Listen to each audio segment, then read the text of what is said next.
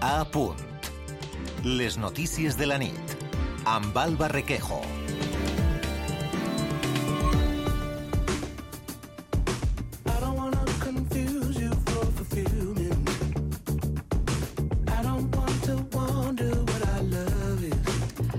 Són les 8 i 37 minuts, estem de tornada en les notícies de la nit. A València, la Rambleta acull des d'avui i fins al dia 5 de novembre La Distància, càpsules creatives. És una proposta multidisciplinària sobre tot el que es va viure en els dies del confinament. Una mirada removedora, commovedora també, a l'estat d'alarma amb testimonis reals, textos dramàtics i poesia visual. Un espectacle que remou i emociona amb dramatúrgia de Vera González i Tolo Ferrà, que també està al capdavant de la direcció i la videoescena. I precisament també ella, amb to to Tolo Ferrà, parlem esta nit. Tolo, bona nit. Bona nit. Com estàs? Molt bé, Alba, molt bé. Em, res, eh, ho hem explicat durant els 98 dies que va durar l'estat d'alarma. Eh, només podíem doncs, recórrer certes distàncies. Quines són les distàncies que recorrerem en esta proposta que ens feu? Doncs mira, en aquesta proposta eh, recorrereu, recorrereu les distàncies entre sis històries. Sis Mhm. històries de quatre minuts que han escrit eh, companyes i companys de professió meravellosos com eh, un poema de, de Vicenç, eh, un text de, de, de, de Denise Desperó o de Itziar Pasqual, um, Rulo Pardo, Jorge Muriel i un altre de la meva companya Vera González i jo. I, i clar, ahir parlem de temps, parlem de, de distància, parlem del concepte de casa, eh? eixa casa que tant ens va acompanyar i guarir. Eh, anem a llançar el fem, a passejar els gossos, sí. confinament... Eh, què anem a sentir, què anem a veure veient la Mira. vostra proposta? Uh, quan, quan estaven confinats uh, va ser quan, quan uh, van decidir crear aquest espectacle. No? Hi va haver un moment aplaudint a les, a les 8, uh, en aquell moment jo residia a Madrid, uh, amb els meus fills me'n vaig adonar que no, no volia parlar del que estava passant en aquell moment. Uh -huh. I, I el principal va ser decidir quines eren la, els espais que contenien les històries. I aquests sis espais són una UCI, una, una balconada, de, de, uh, una espècie de corrala no? de, Mhm. de veïnats, uh, hi ha també una aula d'una escola buida, uh, hi ha un supermercat, hi ha un, una llar d'ancians i una, un espai que per jo va ser molt icònic en aquell moment, que és el Palau de Gel Uh -huh. de Madrid. I, i hem donat aquests espais que ha creat na Amaya Cortaire, que és l'escenògrafa amb el seu equip de, de tretze i escenografia, i, i llibertat absoluta a cada equip perquè escrigui el que vulgui en llibertat. I és meravellós com cada història al final conta des d'una mirada diferent, amb molta poesia, tant visual com textual, el, el que va transcórrer, no? Mhm. cercant molta, molta de llum també cadascuna de les històries, perquè jo crec que cadascú de nosaltres ha viscut coses diferents i cada persona ho rep d'una forma diferent. Uh -huh. I a més, eh, són sis espais en els quals imagine que les històries seran completament diferents. Són sis espais molt ben triats, eh, que són importants i que van marcar, no? Ixes, ixes històries, les històries un poc de tots i totes. Sí, sí, cadascun al final ho, eh, mm, acaba les històries amb els seus records. Això és lo, lo bonic, el Mhm. bonic d'aquest espectacle. És tan íntim que està creat per un màxim de 12 persones. Eh, 12 persones vols dir en el, en el públic? Exacte. Ahà. 12 persones de públic. Aquí a la Rambleta fem uh, uns 5 passis diaris uh, per un màxim de 12 persones. Per això era molt important el fet de que no entrés molta de gent, Mhm. perquè mm, just jugàvem amb aquesta intimitat. Uh -huh. Uh, cada persona, bé, eh, per parella o una persona individualment, es situa davant una espècie de vitrina, mesclant llenguatges, sembla una exposició, i tu t'ubiques a davant, et poses uns auriculars i esperes.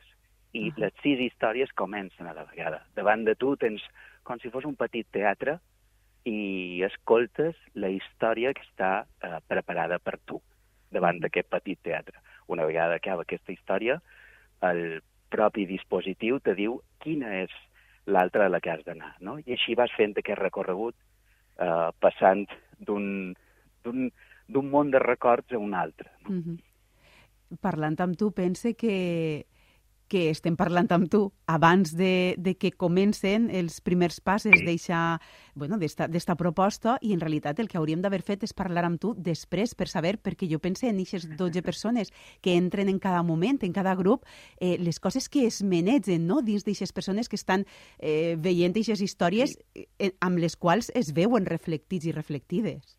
És, és meravellós veure com cada passi genera un final diferent. Uh -huh eh, una vegada acaben les històries, el dispositiu el, ens porta a un espai comú on escoltam unes veus que parlen de, de la distància, de què significava abans de tot això que ens va passar i de què significa avui, que fa ja més de tres anys que vam estar tancats, no? Uau, I, ja fa més de tres un... anys. Sí, és una mm -hmm. passada uh, uh -huh. com passa el temps d'aviat, no? I, i, i quines coses t'han quedat, no? Aquestes frases de, de vamos a salir mejores, uh -huh. uh, serem millors persones, uh, però cadascú ha fet el seu plantejament de vida i en el final te'n dones compte de que ho han tapat. Són records que s'han quedat uh, no, uh -huh. no superats, sinó simplement com a condemnats a, a l'oblit. I, I un dispositiu així, amb aquesta ternura, amb aquesta poesia, obri les emocions, obri els records i és una passada veure com aquestes 12 persones moltes de vegades acaben fent un col·loqui mm -hmm. entre elles. Ens conten les seves experiències, com ho van viure elles, i és, és el que ens omple, de veres. Recordes com el vas passar tu, el, el confinament? Sí, me'n record perfectament. Uh, i, I hi ha una petita frase que a una de les històries que, que, que m'ha escrit Nevera i jo, uh, que és la de en, en la ciutat, que, que passa en aquesta corrala de balcons, uh mhm. -huh. eh, recordo la primera vegada que vaig anar a tirar les escombraries amb el, meu, amb el meu fill, en aquell moment en tenia 9 anys, van sortir per la porta i ell es va quedar aturat com jo i em va dir, papà, no se sent res. Era impressionant a Madrid com estava tot en silenci. Feia, feia por. Ens vam quedar aturats tots dos. Uh mhm. -huh. I sí, me'n record perfectament d'aquells dies estant allà, la sensació de no poder sortir, pensant que els meus fills tenien sol a una finestra durant 45 minuts en el dia, que eren on ens posàvem allà com a racó de lectura. Eh, no sé, moltes ganes de, de moltes sensacions, moltes emocions, mm -hmm. no? Tenir la família a Mallorca, eh, la meva companyera en el moment en família a León, totes aquestes distàncies generaven sensacions molt estranyes, no? Cadascú ha viscut coses, no? Com, com, com els meus fills feien al principi escola i classe mm, per Zoom i era un sí. desastre. En fi, no sé, és, és curiós. Sí. I què és el que et va moure o què vos va moure, eh, tant a Vera com a tu, a, a convertir en espectacle, en, en art, en càpsules de memòria, aquests dies de confinament? Un, un, un puls intern, sincerament. Jo, a l'hora de crear un espectacle, en els meus darrers anys hi ha d'haver algun motor intern que me digui has de parlar d'això, sigui de dol infantil, sigui en aquest cas de la distància, sigui de memòria històrica, sigui d'alimentació infantil amb una titella, és igual, mm -hmm. és un puls intern. I en aquest cas, estan tancats, jo me pujava per les parets i vaig parlar amb, uh, amb Amaya Cortaire, la escenògrafa, companyera, i li vaig dir, anem a posar en marxa el projecte que tenim en ment amb Nedgar Arampoe. I varen començar amb aquest projecte, que era partir de maquetes hiperrealistes, uh -huh. contar les històries de diferents contes, no? jugant amb emocions de terror, de thriller, de, de diversió, però molt diferent. I en el moment en què estàvem allà aplaudint amb els fills va ser com si Nedgar Ampoe se n'anés volant per la finestra, però les vitrines se varen quedar. Aquest concepte hi va estar. Varen fer una prova, ens va emocionar, i això que estàvem, ella a Pamplona i jo a Madrid, Uh, i, I tot va engegar en aquell moment. Li varen passar a Nevera, Nevera se va sumar al projecte, després en Antònia Vicent, que m'ha escrit un poema meravellós, en Etsia, que al darrere n'hi van Palomares, ni Iñaki Rubio, Mariano Marín, és a dir, cada persona s'ha anat sumant a un projecte tan petitó, tan petitó, tan delicat, i, i tot ha fet que se faci molt gran, no? I, mm -hmm. i tot és a partir d'això, un, una necessitat de contar alguna cosa. No saps molt bé el que de vegades quan comences.